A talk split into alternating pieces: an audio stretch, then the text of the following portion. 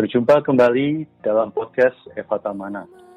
Renungan-renungan yang menguatkan iman ini diambil dari tulisan-tulisan, buku-buku, serta karya-karya seorang pelayan Tuhan yang mengasihi Tuhan sampai akhir hidupnya, yaitu Saudara Watchmeni.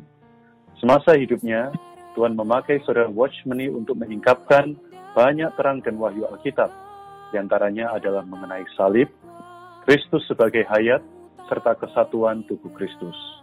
Kami berharap melalui kehadiran podcast Renungan Eva Talmana ini, khususnya di masa pandemi wabah virus hari ini, kami dapat menghibur dan menguatkan iman saudara-saudari sekalian. Anda dapat menghubungi kami pada nomor hotline Eva Tamana di 0851 5677 2397. Sekali lagi, Anda dapat menghubungi kami pada nomor hotline Eva Tamana di 0851 5677 2397. Buku-buku karya Watchmeni secara lengkap dapat Anda peroleh melalui website jasprint.com ataupun melalui Play Store di handphone Android Anda. Selamat menikmati renungan seri hari ini.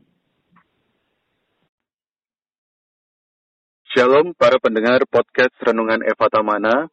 Sungguh syukur pada Tuhan, hari ini kami bisa kembali hadir bersama-sama untuk memberikan renungan uh, saya Saudara Moses bersama dengan rekan saya Saudara Haris dengan topik doa kuasa dan doa puasa. Ini sepertinya sesuatu yang sangat menarik, bukan karena hanya namanya yang hampir sama, kuasa dan puasa, tetapi saya yakin selama kita mulai masuk ke topik mengenai doa, beberapa dari pendengar mungkin juga bertanya-tanya ya, sebenarnya aku selama ini melakukan puasa, supaya ada kuasa. Sebenarnya doa puasa itu seperti apa? Nah, baik, maka pada renungan kali ini kita akan melihat lebih dalam, karena sesungguhnya doa kuasa itu sangat berhubungan dengan doa puasa. Kita baca terlebih dulu ayat yang menjadi dasarnya. Di dalam Matius 6 ayat 17 sampai 18. Tetapi apabila engkau berpuasa, minyakilah kepalamu dan cucilah mukamu supaya jangan dilihat oleh orang bahwa engkau sedang berpuasa, melainkan hanya oleh Bapamu yang ada di tempat tersembunyi. Maka Bapamu yang melihat yang tersembunyi akan membalasnya kepadamu. Wah, apa ini yang dimaksud dengan berpuasa, Saudara Haris, kalau begitu? Ya, uh, kita melihat di sini tentang berpuasa ya. Betul. Uh, berpuasa itu uh, bukan hanya masalah kita tidak makan, uh, tetapi berpuasa itu adalah masalah sesuatu yang berhubungan dengan penyangkalan secara eh, penyangkalan hak asasi kita ya yeah. uh, kita mungkin punya hak asasi yang sah ya contohnya kita harus mak bisa makan kita uh, harus istirahat Betul. dan lain-lain uh, ataupun kita punya kesenangan ya tetapi dalam hal berpuasa, kita menyangkal hak asasi kita yang sah ini. Hmm. Sehingga kita rela untuk tidak menerimanya. Yeah. Kita rela untuk tidak dipuaskan oleh semua hak asasi itu. Dan juga kita bahkan rela untuk melupakannya. Karena kita sedang berdoa. ya. Amen. Karena kita sedang mencari Allah. Yeah. Artinya berarti kita uh, kita sedang berpuasa, berarti kita sedang menyangkal diri kita. Maka biasanya puasa selalu bersama dengan doa. Oke. Okay. Ya. Doa okay. puasa itu berarti di aspek positif kita uh, berdoa yaitu mencari Allah. Kita bertemu dengan Allah, kita menghirup Allah. Tapi di aspek negatif kita juga berpuasa itu secara tidak sadar kita akan melupakan ego kita, hak hmm. asasi kita yang sah. Betul. Supaya melalui demikian, ketika kita berdoa, mencari Allah, menghirup Allah, maka uh, di aspek negatif diri kita tidak ada lagi, ya, karena diri kita disangkal. Yang ada adalah Tuhan yang memenuhi kita, Tuhan hmm. yang hidup dalam kita. Seperti hmm. Tuhan pernah bilang bahwa siapa pun yang mengikuti dia harus menyangkal dirinya ya ketika kita mengikuti Tuhan dalam doa maka kita juga menyangkal diri kita melalui berpuasa Wah ya ini sangat menarik ya ternyata puasa bukan sekedar menahan lapar ya tidak makan tidak minum tetapi perkara menyangkal diri. Nanti kita akan masuk lebih dalam ke dalam perkara ini. Saya mungkin ya. baca dulu untuk cuplikan perkataan surah Watchman ini dikatakan dalam Alkitab juga diwahyukan hubungan erat antara doa, puasa, dan kuasa.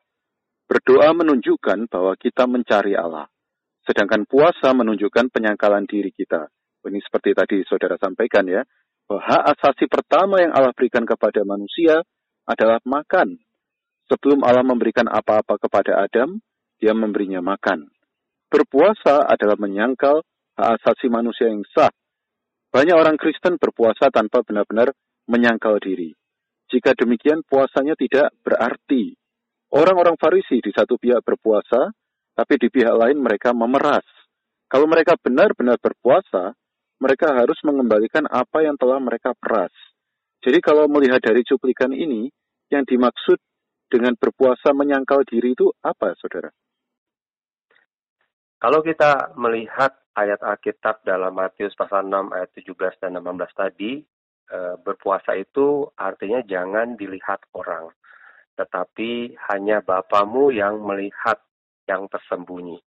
Tersembunyi di sini tentu saja uh, bukan hanya masalah caranya saja, karena bisa saja uh, walaupun kita sembunyikan penampilan kita, tidak memberitahukan kepada orang, tetap puasa kita diketahui orang. Yeah. Namun tersembunyi di sini adalah masalah motivasi kita yang tersembunyi. Motivasi kita yang bukan untuk tampil, Yeah. Motivasi kita yang sangat berhubungan dengan ego kita. Kita tahu bahwa ego kita ini diekspresikan melalui pikiran, pemikiran, melalui uh, uh, apa konsep, ya opini, Betul. juga melalui motivasi kita. Jadi kalau kita membuatnya tersembunyi, menunjukkan bahwa kita itu sedang menyangkal ego kita, menyangkal motivasi kita yang ingin show, ingin tampil. Ya, jadi ego kita saat berpuasa mungkin kita ingin memiliki kesenangan, ingin tampil, diapresiasi orang, memiliki kepentingan untuk disanjung orang. Ya. Tetapi melalui berpuasa kita merelakan kesenangan itu Amin. untuk tidak tampil. Amin. Merelakan keperluan yang sah sekalipun untuk tidak di, tidak memuaskan kita. Amin. Bahkan merelakan pemikiran, opini, motivasi alamiah kita untuk dilupakan, disangkal. Uh, betapa pentingnya berpuasa ini. Sehingga lewat berpuasa kita tahu bahwa membuat kita ini jadi bukan apa-apa dan membuat Allah itu menjadi segala-gala kita. Amin. Ya, saya Amin. sangat setuju sekali itu ya.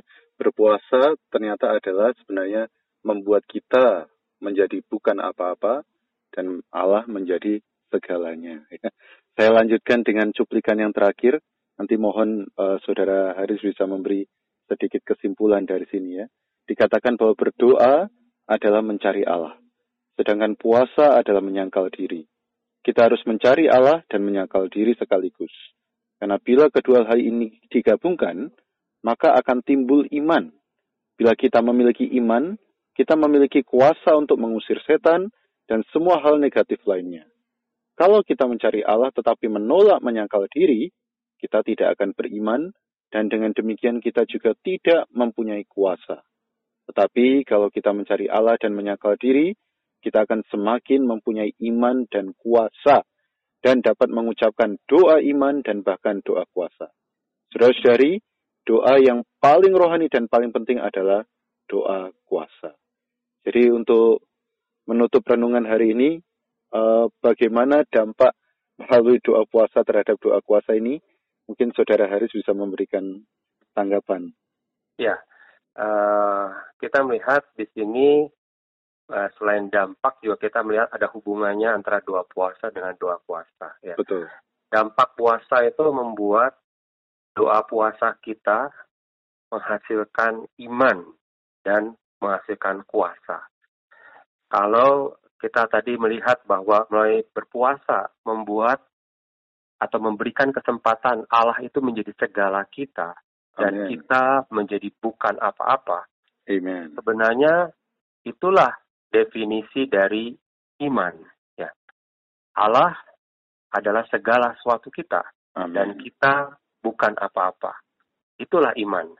Artinya melalui doa puasa demikian, penyangkalan diri yang sedemikian, mem- membuat atau memberikan kedudukan bagi Allah itu menjadi segala sesuatu kita. Dan kita menjadi bukan apa-apa. Amin. Menghasilkan iman dan juga menghasilkan puasa. Kita ini bukan siapa-siapa. Sehingga dia bisa menjadi segala kita. Nah, eh, doa puasa artinya juga melalui hal ini eh, menghasilkan doa iman ya, doa puasa ya.